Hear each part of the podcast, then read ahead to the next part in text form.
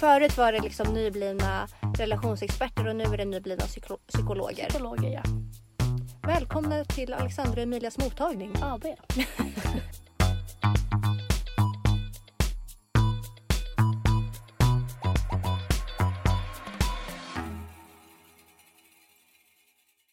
Hej och välkomna till avsnitt 12 av Ärligt talat med mig Emilia. Och mig Alexandra.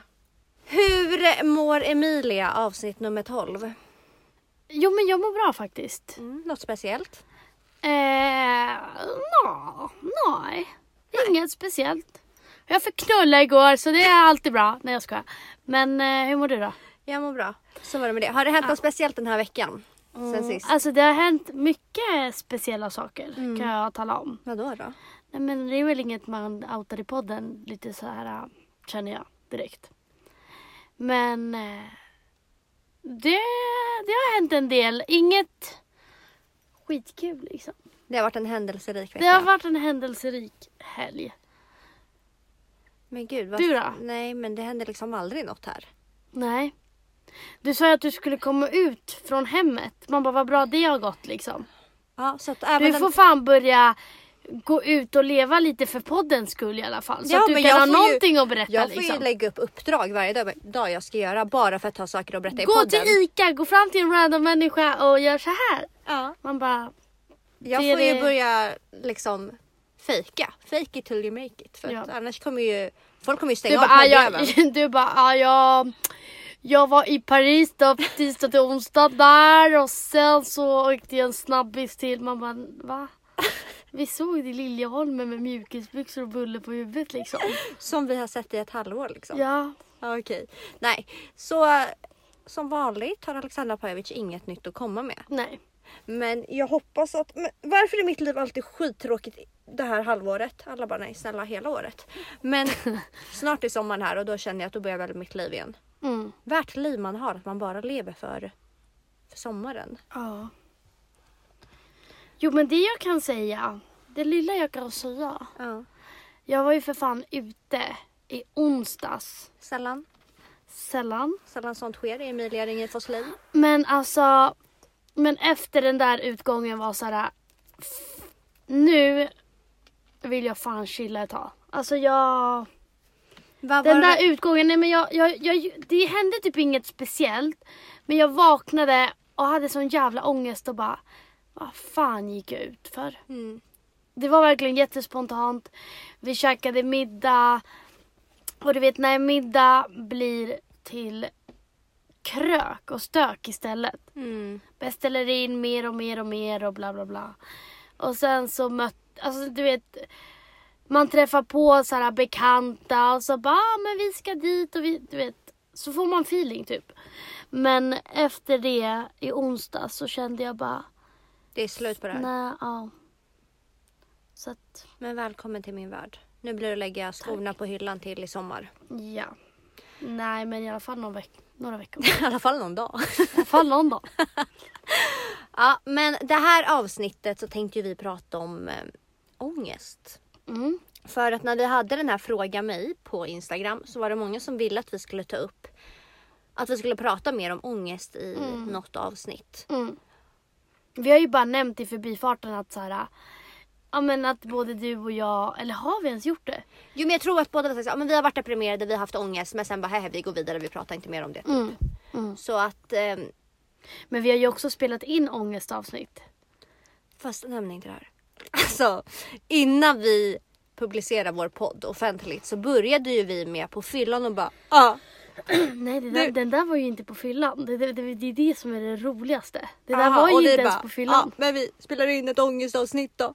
Tog två minuter in i podden innan båda stod ballar. Nej men alltså. Och sen, det roliga var att vi hade sån jävla feeling. Men vi gråter liksom. Alltså i typ 30 minuter gråter vi och pratar om vår ångest. Och sen så vi bara, vänta stopp nu. Vi, varför, hur ska vi kunna släppa det här? Man hör ju inte ens vad vi säger. Nej. För så pass mycket grät vi. Det här var mer som ett så här, terapisamtal för oss. och sen efteråt så satte vi på det så här, två minuter in så bryter ju båda, båda två Ja. upp helt. Alltså vi bryter liksom, nej nej nej nej. Vi bryter vi- ihop helt. Jag vet inte hur det kommer bli det här avsnittet. Det kanske blir Sofie att det blir jättejobbigt att prata om också. och Känslosamt. Men jag tänker att vi ska i alla fall släppa ett avsnitt där man hör vad vi säger. Så veckans avsnitt blir alltså ångestavsnittet.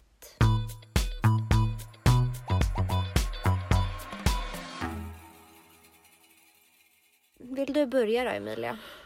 Berätta lite om dina erfarenheter kring ångest. Ja, okej. ja. Alltså, så, här, så länge jag kan minnas så har jag... Jag har alltid varit en känslosam person. Mm.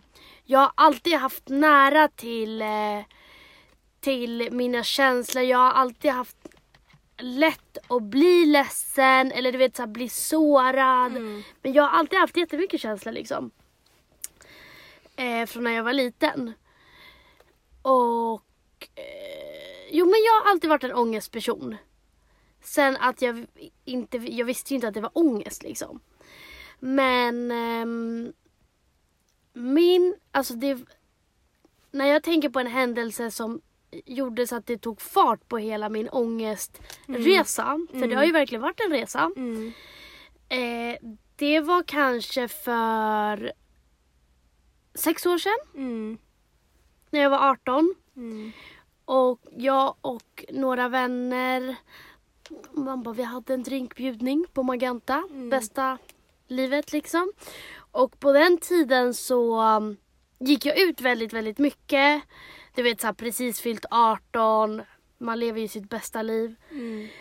Eh, och så um, dagen efter vår drinkbjudning så var jag skitbakis. Mm. Och det här är typ också första gången jag var bakis eller hade bakisångest Mm. som man har liksom varje gång nu. Mm.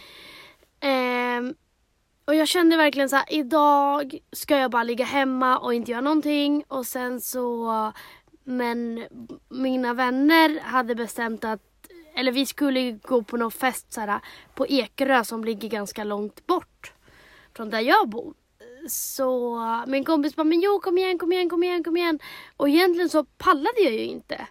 Och det är det som blir så tydligt att man måste verkligen lyssna på sin kropp. Att Alltså pallar den inte så du kan inte göra saker bara för att Mm. någon annan säger till dig att du ska göra det här eller någonting så. Så till slut så åker jag dit ändå fast jag inte vill och jag känner bara sån ångest i hela kroppen under hela tiden jag var där. Och du vet man kunde inte ta sig hem Mm. du vet så här snabbt. För det låg så långt bort. För det låg, ja exakt. Typ första bussen hem, eller den enda som fanns för det låg lite udda. Ekerö är ju lite på landet. Ja men och det här låg liksom på Ekerö. Jag vet inte så att det gick ingen, inga bussar alltså hela tiden utan det gick typ någon vid 02. Så jag satt liksom bara och väntade ut. Jag väntade in liksom att snart kommer bussen liksom. Och jag hade så jävla mycket ångest och alla var så fulla och jag bara, ja jag vill bara hem. Sen så är det dags att dra hem och då kände jag bara fan vad nice. Alltså nu vill jag bara hem. Mm. Och det, sen så kommer vi till Bromma och sätter oss på tunnelbanan, jag och en kompis. Och från ingenstans så svartnar det liksom till. Och jag blir jätteyr. Och typ så här känner att mamma det ser ut som att du ska börja gråta. När jag Nej. berättar. Nej. Nej men och sen så börjar mitt hjärta slå alltså jätte, jättesnabbt. Och jag blir helt torr i munnen. Alltså jag vet inte, jag, jag kände bara det är nu jag dör eller? Jag hade aldrig haft, alltså varit med om något sånt här innan. Så det var liksom min första riktiga panikångestattack. Och det var ju för att jag inte lyssnade på min kropp och på vad jag behövde liksom. Mm. Eh, och ja men sen efter den kvällen så vart jag så rädd för mina panikångestattacker. Så att jag liksom stressade upp mig själv att fan snart kommer jag få en, snart kommer jag få en. Och eh, efter det så hade jag det typ Alltså jag levde ish med panikångestattacker varje dag. Mm. Alltså varje dag. Så det här var ju trean på gymnasiet. Så jag gick ju inte till, till gymnasiet. Alltså, men jag gick ju jättesällan liksom. För att för det första så undvek jag att åka tunnelbana. Jag undvek att typ gå på bio. Jag, så i stort sett så typ låg jag bara i min säng varje dag. Eh, jag kunde inte träna för så fort jag fick upp pulsen lite så kopplade jag det till den här panikångestattacken. Eh, så jag typ låste in mig hemma i typ kanske åtta månader. Förutom de enda gångerna jag kunde gå ut, det var när jag krökade. För det gjorde så att jag blev typ lugn. Mm. Eh, vilket blev också typ en självmedicinering för mig. För det var ju det som tog bort ångesten. Även fast jag bara gjorde det på helgerna så vart det ju fortfarande en självmedicinering. Det var ju liksom. typ det du längtade efter. Och så. Ja, Man levde det- ju det- bara för helgerna och så för då visste du ja då får jag kröka. Då Och försvinner då, den här känslan. Då försvinner den här känslan. Mm. Och sen måndag till torsdag låg jag liksom i min säng och stirrade upp i taket och typ väntade in nästa panikångestattack. Mm. Jag kunde vakna mitt i natten och av en panikångestattack att så här, jag vaknar, sätter mig upp och bara jag kan, inte, jag kan inte andas. Mm. Och det här berättade jag typ inte för någon. Alltså inte ens för mina föräldrar, ingen, ingen visste om det här. Alla var såhär, åh fan vad du såhär... Alltså du är så larvig som skolkar. Mm. Det här är tredje året men sanningen var ju att jag inte kunde. För att Mm. så fort, alltså det kunde vara minsta lilla ansträngning. Jag kunde gå upp på trapporna och känna att det blev lite, du vet såhär, lite tungt att andas och då fick jag ju panik. Alltså direkt, Mm. direkt, direkt. Men så det var så jag började, det var där det liksom började allting. Mm. Men eh, hur, hur började det för dig? Det som hände för mig var att efter min storebror hade gått bort så um, jag bearbetade inte riktigt sorgen men dagarna och några veckor efter så låg jag bara hemma och stirrade in i taket. Och sen hade jag legat hemma i mitt rum, i ett mörkt rum. Jag hade inte ens gått ner till köket och inte ens lämnat huset på tre veckor. Och då kom jag ihåg att min mamma sa att nu har du inte varit utanför ditt rum. Du har inte sett dagsljus på tre veckor. Nu får du följa med mig till jobbet. Eh, och det här var bara någon månad efter min storebror hade gått bort. Så att jag skulle åka med henne till jobbet och jag kom bara ihåg att det var så jäkla konstig känsla. Jag hade legat hemma i tre veckor i, i mörker och så, så skulle vi åka tunnelbana. Mm. Och när jag kliver på tunnelbanan det var som att jag var helt paranoid. Alltså som att jag aldrig hade sett människor. Mm. Jag fick panik för jag bara mamma det är jättemycket folk. Mm. Och hon bara ja. Det är normalt liksom. Det, vi, vi bor ju i Stockholm liksom. Jag bara Mm. Gud vad jobbigt det var att det var så här mycket folk på tunnelbanan så jag fick jättesvårt att andas. Och sen när vi kommer ut från tunnelbanan då är vi i T-centralen och alla vet ju hur mycket folk det är där under. Eh, Rusningstrafik Ja. liksom. Och jag bara, men det är jättemycket folk. Och hon bara, men Alexandra vad är det med dig? Mm. Och jag bara, men mamma jag kan inte andas. Det är för mycket folk, jag får panik. Mm. Jag kommer svimma. Och hon bara, nej men ta det lugnt. Hon höll i mig och bara andas, ta djupa andetag, vi är snart framme. För då jobbade de på Drottninggatan. Mm. Och när jag kommer upp för rulltrapporna som leder upp till Åhléns så får jag panik. Alltså jag börjar skaka och jag börjar kräkas. Mm. Allt blir bara svart och jag ber min mamma hålla i mig och så börjar jag bara kaskadkräkas. Och jag förstod inte vad det var för jag var så här, men gud vad är det som händer? Jag skakar, jag är yr, har jag blivit Mm. sjuk? Mm. Mm. Och då kom jag ihåg att min mamma började gråta och så det blev så himla konstigt för jag förstod inte vad det var men min mamma förstod ju direkt att Mm. okej hon har ju fått en panikångestattack. Mm. Och det var där allting började för mig.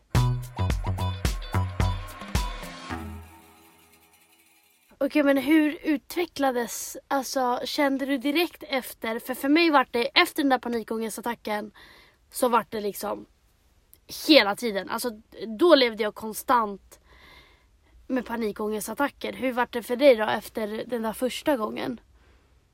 Nej men efter den första gången så började jag prata med en psykolog och sen så typ Jag har ju haft två perioder då jag har varit deprimerad och haft riktigt mycket panikångest vardagligen.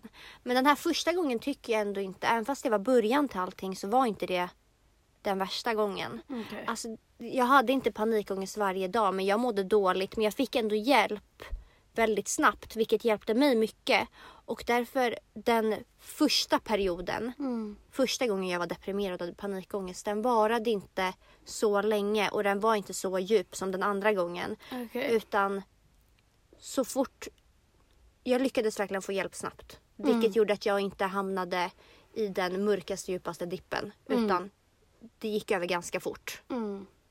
För mig tog det ju ett tag att inse att så här, okej shit jag är deprimerad. Förstår du? Jag, jag trodde ju typ att jag bara höll på att bli galen typ.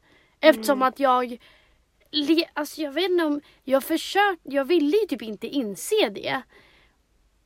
Och jag fattade ju inte att det var så här sjukt att jag typ låste in mig hemma. Jag vet inte, det är som att man man inser ju inte det direkt. Nej. För mig tog det liksom typ ja, men ett halvår och bara vänta jag är deprimerad liksom. Hur var det för dig? Eller insåg du det direkt eller att du kanske behövde hjälp? För jag sökte inte hjälp på jättelänge. Men första gången du var deprimerad, sökte du hjälp då? Alltså jag skulle, jag sökte hjälp. Men direkt efter så vart jag bra. Mm. Men det var lite så det var för mig första gången. Just för att jag fick hjälp så snabbt så behövde det aldrig, jag behövde aldrig gå så djupt med det. Ja, Medans- exakt. Det var väl både nästan värre för dig och mig andra gången. Mm. Då hann det gå mycket längre och det hann bli Mycket värre mycket liksom. djupare. Ja, exakt. För så var det ju verkligen för mig att jag skulle, eller jag sökte hjälp Mm. men direkt efter så blev det bra. Och så andra mötet så bara, nej men alltså jag mår skitbra. Mm. Men det var ju också för att saker hände, alltså jag fick ett jobb där jag trivdes och där där jag fick jättemycket bekräftelse. Mm. Vilket gjorde typ att jag vet inte, jag började typ tro på mig själv igen hur larvigt det än låter. Mm.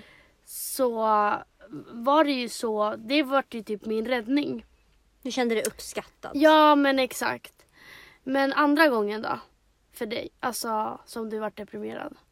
Skillnaden från första gången jämfört med den andra var ju att det hann gå så mycket längre. Mm. Ehm, jag vägrade, precis som, som du sa, att jag vägrade också inse att jag måste stanna upp och att jag mår skit. Mm.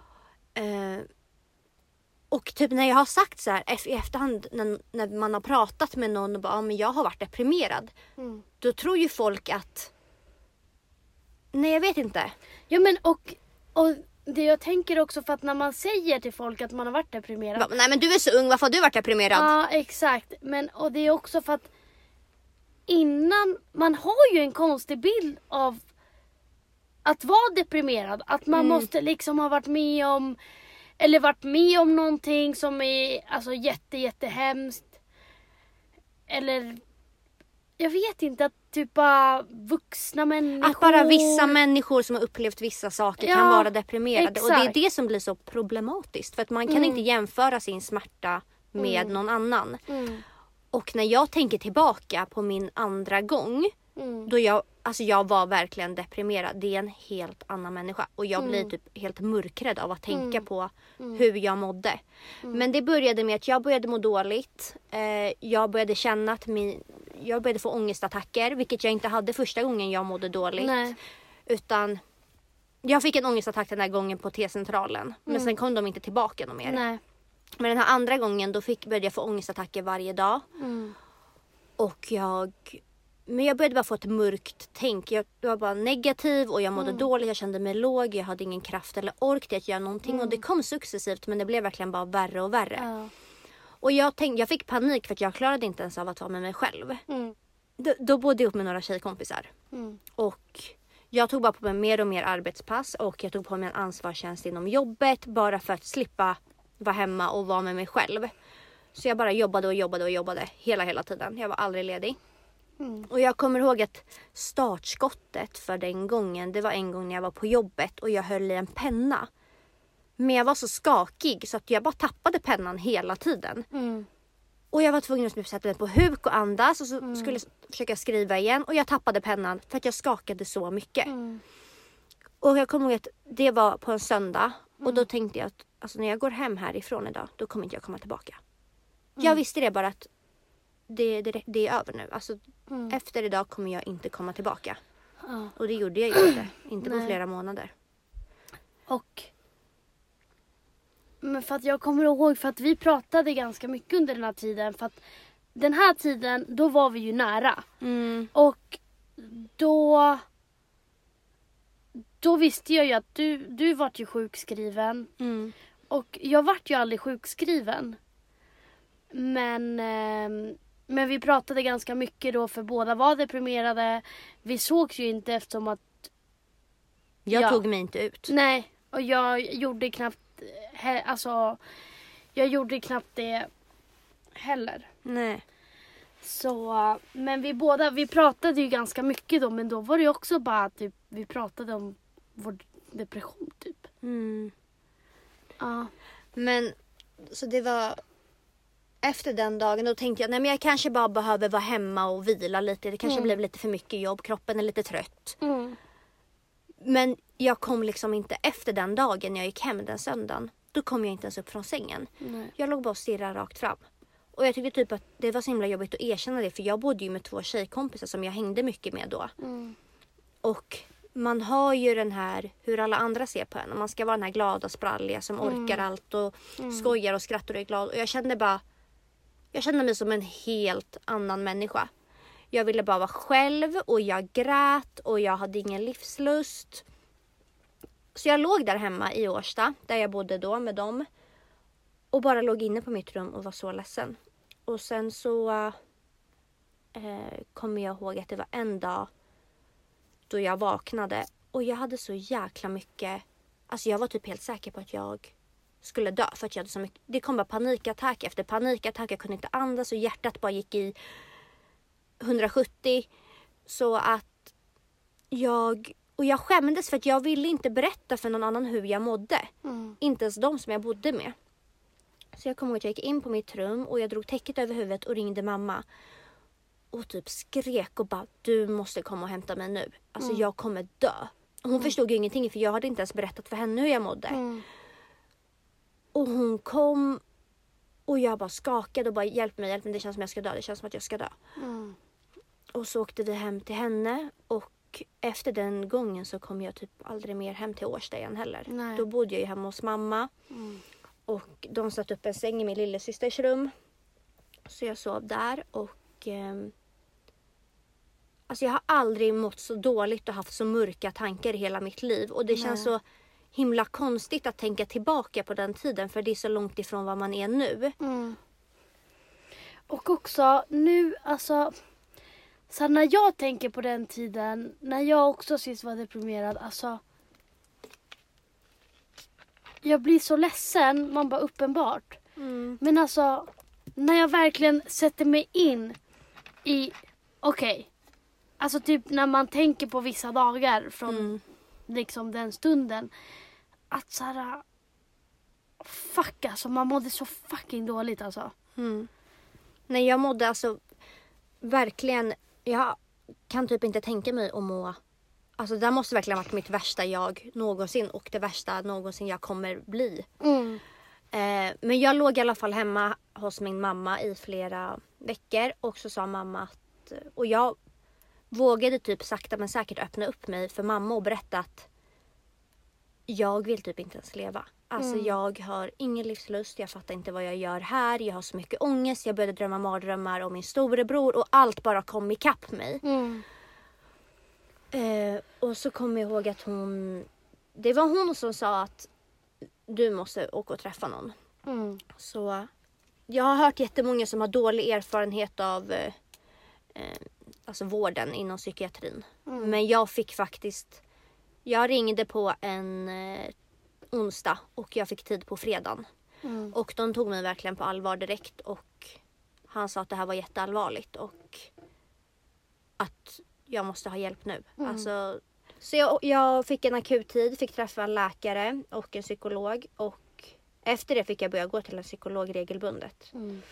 Alltså mitt mål för dagen var ju att orka ta mig ut ur sängen. För det var inte ens självklart att, att jag skulle Nej. orka göra det. Så det enda jag gjorde det var att ligga i sängen om jag inte skulle ta mig till min psykolog. Och- min psykolog var ju bara två stationer från där min mamma bodde. Men jag vågade knappt ta mig dit för att jag var rädd vad jag skulle göra. Skulle kunna vara kapabel på att göra alltså på vägen dit. Mm.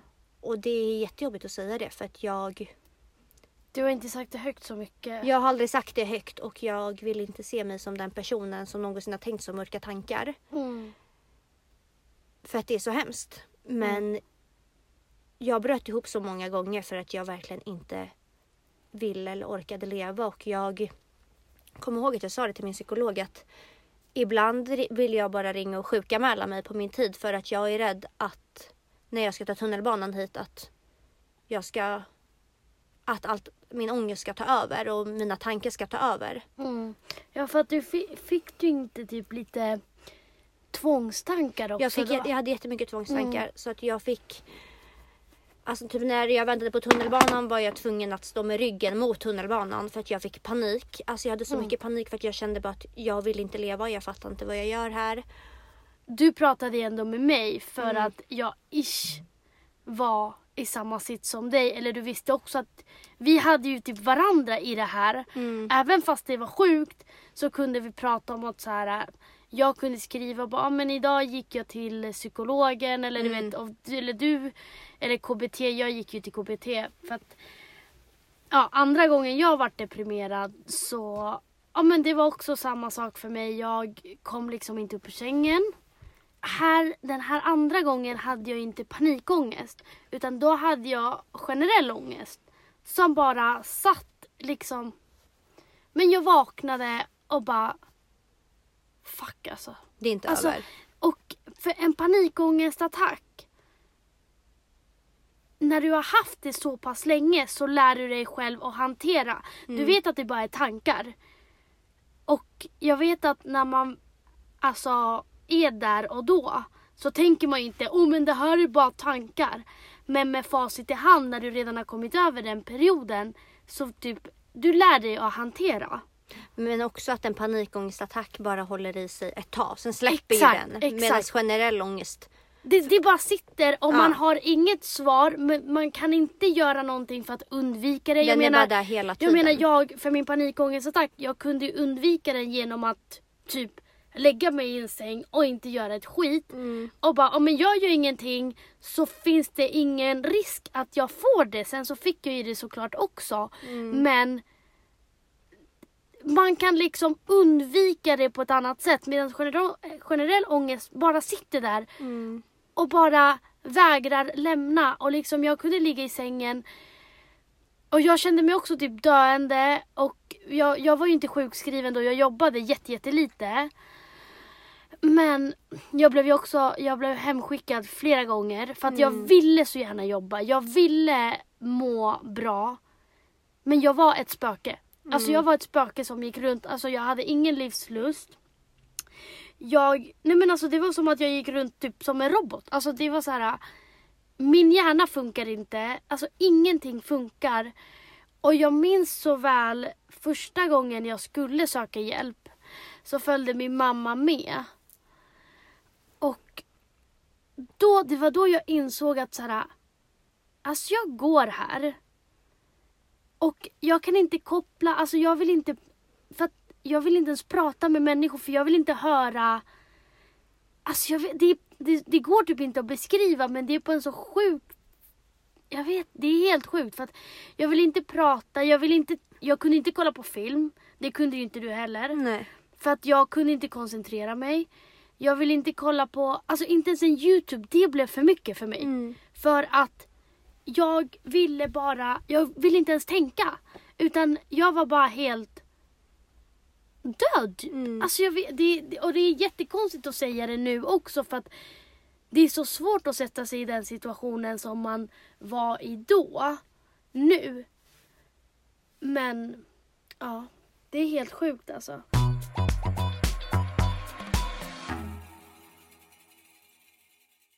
Men Alex, hade du så saker som du typ undvek?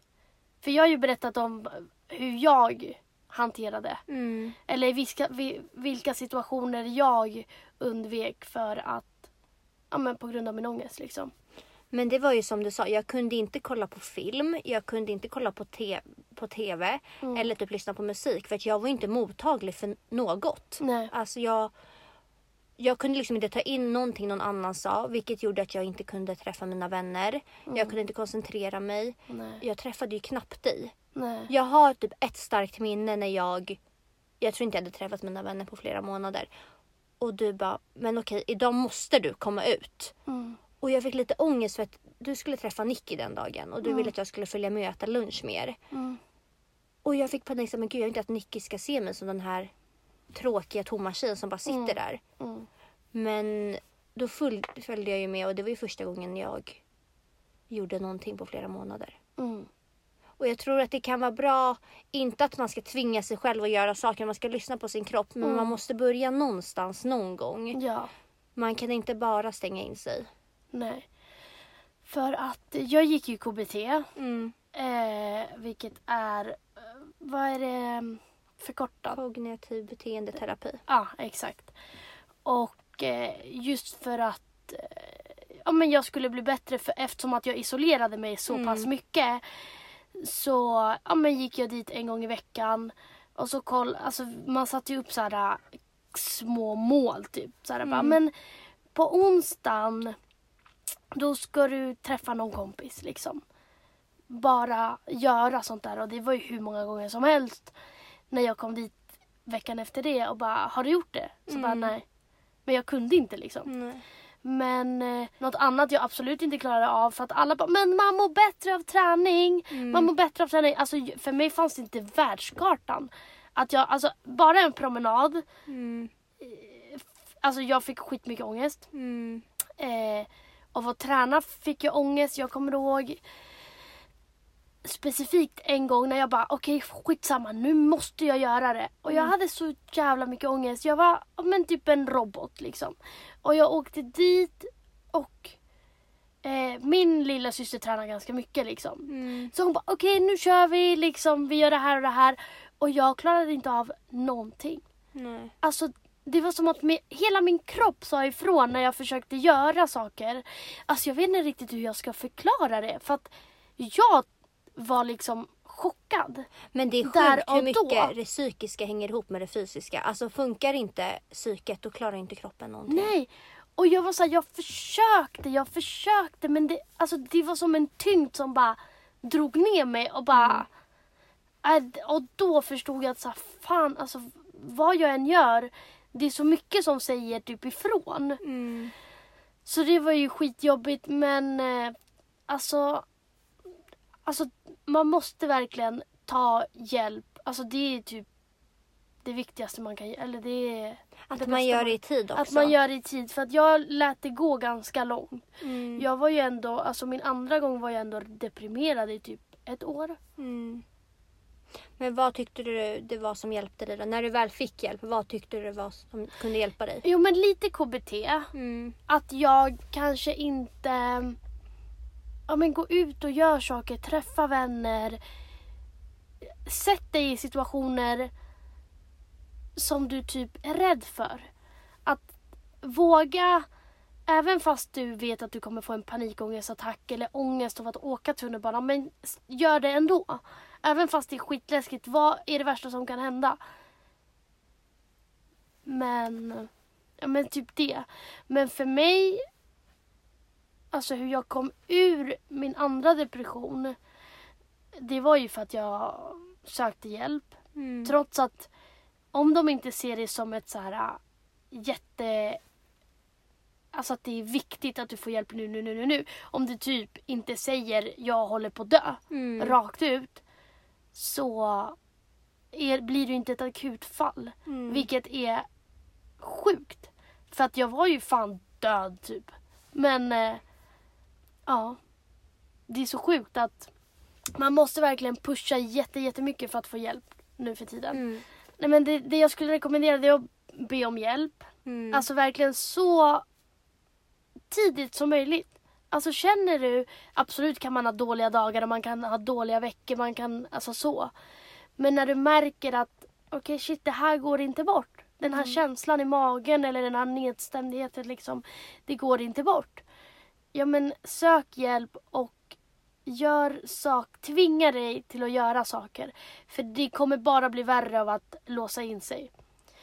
Men en annan grej, gud nu, låt, nu har jag verkligen snackat skit länge. Men. Eh, det jag inte visste, jag är jätte...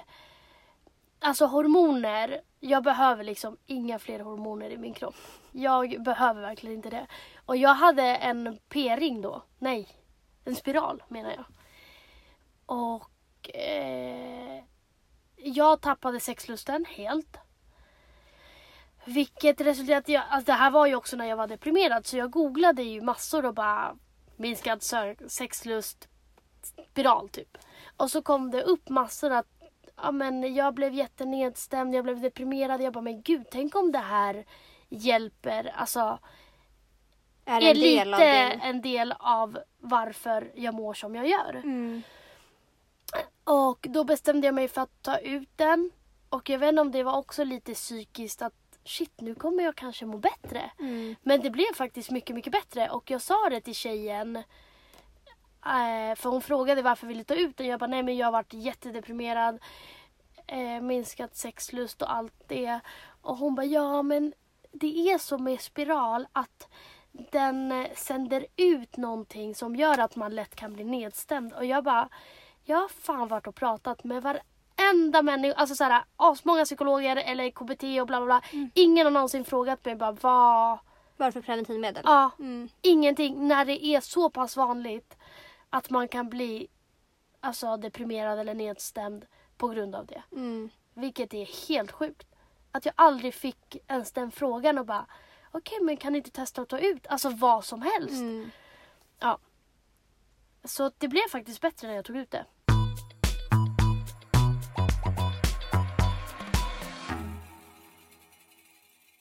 Vad var det som hjälpte dig då Alex?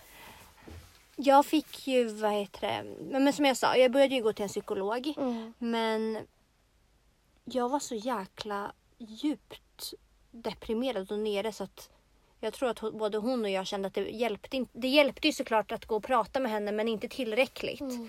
Alltså jag hade ju fortfarande mörka tankar varje dag och jag kommer ihåg att varje morgon när jag öppnade ögonen så bara okej, det har inte blivit något bättre. Nej. Och så här var jag var ju sjukskriven i ett halvår. Mm. Så eh, då tyckte hon att jag skulle träffa en läkare och prata om, och jag var jättetydlig med att jag vill inte ta någon medicin. För jag är jätterädd att jag ska bli beroende, sånt som vi har pratat om. Att, Mm. att man ska förlita sig på att okej den här medicinen kommer rädda mitt mående och så blir man Exakt. beroende av den. Ja. Så jag var jättetydlig med att jag vill inte ta någon medicin. Men jag var så jäkla... Alltså alla var ju väldigt oroliga vad jag kunde göra. Eller var kapabel till för att jag hade så mörka tankar. Så att man kan väl nästan säga att läkaren lite övertalade mig till att prova en medicin. Mm. Sen sa hon att hon skrev ut en, en som ändå var relativt mild och som inte skulle vara beroendeframkallande. Och när man är så djupt nere och tar medicin, det är inte så att du, du vaknar dagen efter och är lycklig. Nej, nej, nej. Men successivt så börjar du bli lite mer jämn i ditt mående. Du är inte ledsen men du är inte glad. Mm. Och det var typ det jag inte tyckte om heller. För jag var så okej, nu har jag lite mer ork och lust att göra någonting. Men jag kunde inte skratta. Nej. Jag kände mig bara jämn. Alltså som ett stoneface typ. Mm. Saker jag tyckte var roligt, det, det kom bara inget skratt. Nej. Och jag liksom var bara så jämn och neutral hela tiden. Mm. Men det var ju ändå som en liten putt på vägen från att liksom inte ha velat leva. Mm. Men sen så... Jag är en sån som inbillar mig att allt jag stoppar i mig ger mig massa biverkningar. Så att jag läser ju alltid biverkningar. Bara, ah, det här stämmer in, det här Ja. stämmer in. Mm. Så det blev ju likadant med de där tabletterna efter ett tag. Att jag började känna andra biverkningar som jag tyckte övervägde. Och så kommer jag att jag började prata med min psyko- psykolog om att jag inte ville ta de här. Men de ville ju inte att jag bara skulle sluta Nej. direkt, alltså tvärsnabbt. Så att bakom deras rygg, det här var dock efter ett halvår, så jag, jag tog de där tabletterna ett halvår och det blev ju en putt på vägen. Men efter ett halvår så började jag trappa ner på dem helt själv utan att en läkare hade gett mig ett OK. Typ. Mm. Vilket man egentligen inte får göra för det kan ju le- leda till mycket värre saker. Att man bara slutar helt tvärt. Men för mig så kände jag ändå att de där tabletterna hade gjort sitt. Och efter ett halvår med dem, nej jag tog nog dem längre, kanske åtta månader. Då började jag ändå känna mig lite mer jämn i mitt mående. Mm. Men jag, alltså jag skulle inte rekommendera att börja ta antidepressiva. Men när man är så himla djupt ner att det inte finns någon annan utväg. Då måste man vara lite öppen för alla Mm. olika dörrar som finns. Att testa nya saker. Mm. Så att för mig så var de absolut en hjälp på vägen. Men vad tyckte du var det jobbigaste med din omgivning? Alltså kände du någon press eller så när du var deprimerad? Att folk hade förväntningar på dig eller? Alltså ja, för att jag var inte så öppen Mm. med att jag var deprimerad. Så folk såg mig väl bara som lat eller så jobbig som inte klarar av så här vardagsgrejer. Och bara, men alltså nu får du rycka upp det. Det, Mm. det är ju bara att gå upp och det är ju bara att sätta dig på den där fucking tunnelbanan. Så här, Mm. Du kommer inte dö. Och, och jag förstår att det låter fjantigt för andra att bara, men snälla du ska åka tunnelbana i en kvart. Alltså så här, vad kan hända? Men problemet är att när man är där så kan man ju inte tänka så. Nej.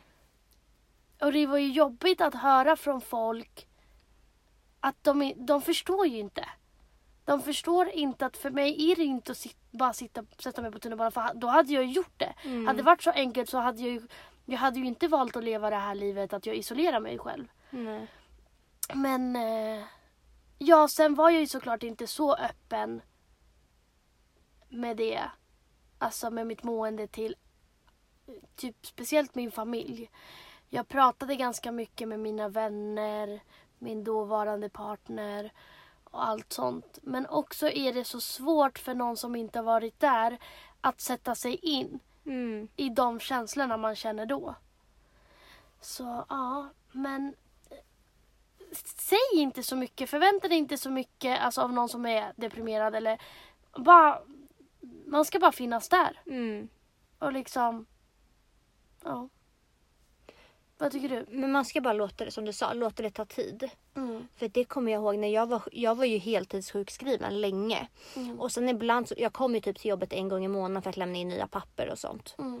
Och varje gång jag kom så var det alltid någon kollega som frågade, men när är du tillbaka på 100%? Mm. Och det är det absolut värsta man kan fråga. För Mm. det, det, gör ju, det stressar ju mig skitmycket att folk ser hur jag mår och att jag känner en press. Mm. Och att liksom, om jag visste, då hade jag väl sagt det. Mm. Det är inte så att jag vill leva det här livet. Nej. Eh, så att man ska bara låta det ta tid, inte känna, sätta press på dem utan bara som jag sa förut, ett mål för dagen kan vara att ta sig upp ur sängen. Mm. Och sen kan man ju successivt typ utmana sig själv med okej idag kanske jag klarar av att åka tunnelbana. Mm. Men i början framför allt så måste allt bara få ta jättelång tid. Om det nu Mm. är så. Mm. Ja, alltså verkligen. Och det viktiga, jag hade ju jättetur med typ mina kollegor och min chef och allting. Alltså, de, och de är så än idag. Mm. Så fort de ser på mig att det är någonting, de tar mig in och bara Emilia, hur mår du? Mm. Bara för att de, ja, men de vet ju om min bakgrund eller, eller att, så här, att jag har haft väldigt mycket ångest, att jag har varit deprimerad och allting. Så så fort de ser att något inte står rätt till så tar de in mig direkt och bara Vill du gå hem? Mm. Det löser sig. Alltså sådär. Men ehm, ja, vilket är jävligt skönt för min chef var jätte, jätte eller hon är bästa chefen för att alla ska må bra typ. Och hon gjorde det så mycket enklare för mig. För det är inte kul att sjukanmäla sig på grund av att för att jag, jag är inte förkyld, jag är inte jag har inte halsfluss, alltså förstår du? För att säger jag, ja men jag har halsfluss, ja absolut kom inte till jobbet men jag kan inte ringa och bara jag kommer inte upp på sängen. Nej. Alltså förstår du? Och speciellt så kan jag inte säga det för någon som inte förstår hur det är. Men för att när jag sjukanmäler mig på grund av ångest, det är verkligen för att jag jag kan inte göra någonting. Mm. Men tyckte inte du att man märkte, för jag märkte jättetydligt under perioden jag mådde som sämst. typ vilka som faktiskt fanns där för en på riktigt. Alltså under min tid eftersom jag hade den sista gången jag var sjukskriven och var borta så länge från typ hela omvärlden Mm. så förlorade jag faktiskt ganska många vänner. Mm. För att folk förstår inte och jag förstår att man inte förstår Kan mig sätta sig in liksom. när man inte har varit med om det men folk ville inte ens förstå och folk var liksom inte lyhörda för fem öre. Nej. Så att jag förlorade ju jättemycket vänner. Mm. För att folk har väl en stämpel av att man ska vara och är på ett sätt. Mm. Och när man helt plötsligt bara vänder, vilket sånt i livet, alltså det är klart att man kommer komma in i svackor. Mm. Så typ var det lite som att de bara försvann. För då var jag inte den här roliga tjejen som de fick ut så mycket av längre. Mm. Nej, så är det ju. Alltså för mig... Alltså det sjuka är att jag minns knappt. Och det var inte så att det var så länge sedan. Man förtränger ganska mycket. Man förtränger jättemycket för att jag absolut får jag upp alltså vissa dagar när det var som värst. Eller du vet så här minnen från att ja, jag kommer ihåg den här gången. Typ jag kommer ihåg skittydligt en gång när du och jag pratade och bara okej men vi kan ses och bara vara med varandra. Och jag kommer ihåg att jag satt på tvärbanan. Alltså jag har bara typ ett minne som är så starkt och jag hade skitmycket ångest och du var också deprimerad. Och vi pratade om att vi skulle ses typ. Och jag vet inte ens varför för att det hände ju ingenting. Men jag har sådana här små bilder typ. Mm. Från då och då kan jag verkligen känna när jag tänker på de stunderna så då kan jag typ känna och relatera bara shit. Det var så här det var. Mm. Men annars är allt ganska så suddigt typ. Men så är det för mig med. Jag har ju förträngt. Alltså det tar typ emot att behöva gräva upp och tänka på men hur var det egentligen. Mm. Men man har ju, jag vill ju aldrig veta av den där Alexandra som jag var Nej. då. Det är ju det värsta någonsin. Mm. Nej. Nej men jag känner likadant såklart. Mm. Och det, det är läskigt för att jag vet att jag har väldigt mycket känslor. Och att jag är en känsloperson som lätt ham- hamnar i dippar liksom. Mm. Jag menar vadå, jag är 24, jag har redan varit deprimerad två gånger liksom. Mm. Och jag är så rädd över vad som komma skall. Eller förstår du? Ja, men Att jag såhär- känner, alltså jag ska inte säga, jag är glad att jag har gått igenom det här men det här har verkligen både för dig och mig format och gjort så jävla mycket. Mm. Alltså jag Träffar jag en människa som mår dåligt så har jag så mycket mer förståelse än Ja, vad någon som inte har. Alltså ja, jag, jag kan nästan bli irriterad när folk pratar om, fan eller jag blir skitirriterad när folk pratar om ja, när någon väljer att ta sitt liv. Och fan vad själviskt. Alltså för att när man mår så pass dåligt, det sista man tänker på är konsekvenser. Eller Nej, man är liksom som instängd i ett mörkt rum. Man tänker inte någonting utanför det där rummet utan det är bara här och nu och jag vill inte leva. Mm. Så att på något sätt så tror jag att det har stärkt, eller det har ju stärkt båda oss jättemycket att vi har gått igenom så pass djupa depressioner som vi faktiskt har gjort även fast vi är så unga.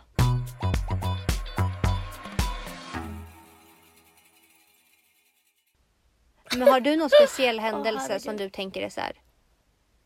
För jag har ju, precis som du sa, man har ju förträngt mycket men man har ändå vissa scener som kan spelas upp i huvudet när man tänker på när man mådde som sämst. Mm. Nej jag vet inte, kan du börja för jag, jag håller på. Åh herregud. Ska jag börja berätta? Men då kommer jag också börja gråta. Det vill jag inte göra faktiskt. Ja men kör. Det var en gång när jag skulle, som jag sa så åkte jag till mitt jobb typ en gång i månaden för att lämna in nya eh, sjukintyg. Och då kommer jag ihåg att jag hade så mycket ångest men jag var tvungen att, för att min chef behövde de papperna, det var sista dagen liksom. Och jag hade så mycket ångest och det tog så mycket emot att ta sig dit. Och som jag sa innan så tyckte jag inte om att åka tunnelbana och sånt när jag mådde som sämst. Och eh, så när jag kom dit och hade lämnat in papperna då var jag så här, okej vänta, nu har jag så mycket ångest och den håller på att ta över så att jag kan inte ens gå ut från butiken. Så att jag satt mig i vårt lunchrum, jag tror jag satt där i två timmar. Och alla bara, men vad gör du? Du är ju sjukskriven, ska inte du gå hem?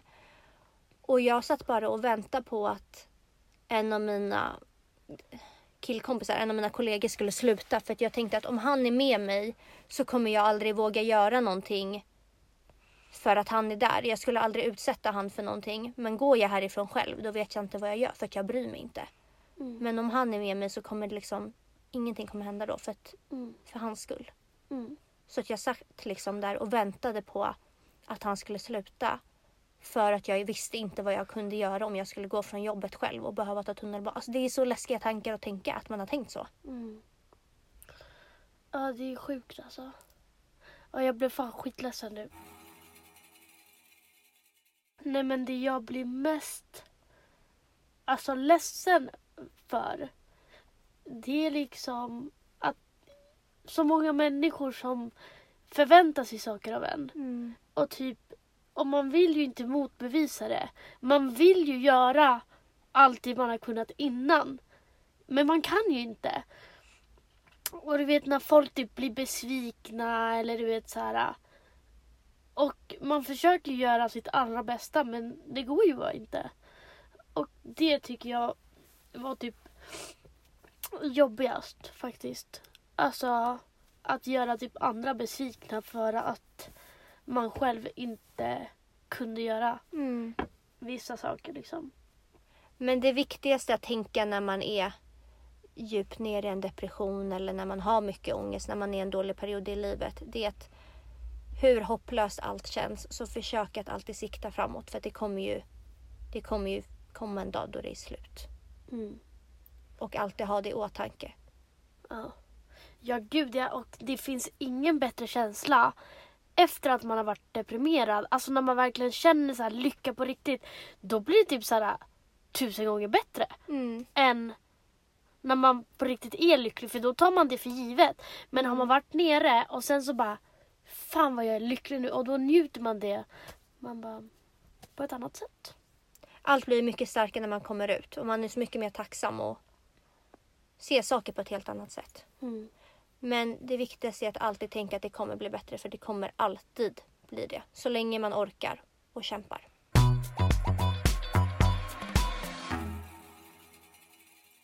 Nu till veckans fråga.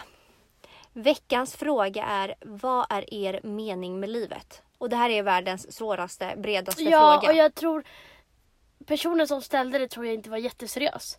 Men den passar ju ändå in här i, den här, Mm. i det här avsnittet. Men ska jag börja då? Mm, du kan få börja. Okej, men min mening med livet är nog att vara så lycklig som möjligt. Alltså att hitta lycka i små grejer. Inte hitta lycka i så här, materiella saker eller pengar eller du vet. Mm. Utan vara en lycklig människa.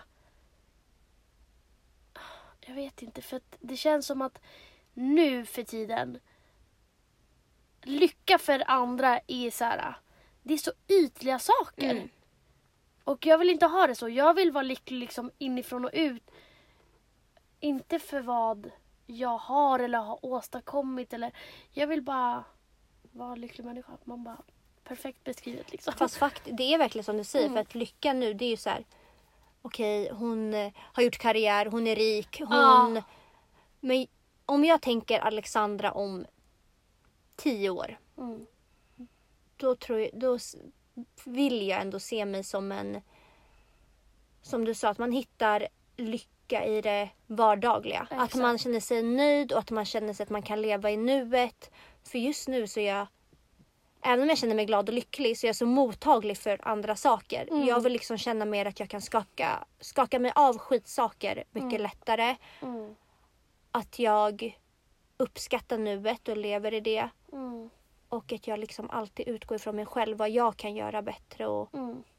att jag har en familj jag älskar och som älskar mig. Som Mm. barn som älskar mig. Som Mm. jag får överösa med kärlek. Det Ja. är min mening med livet. Att Ja. få uppleva den känslan. Ja. Att vara stabil.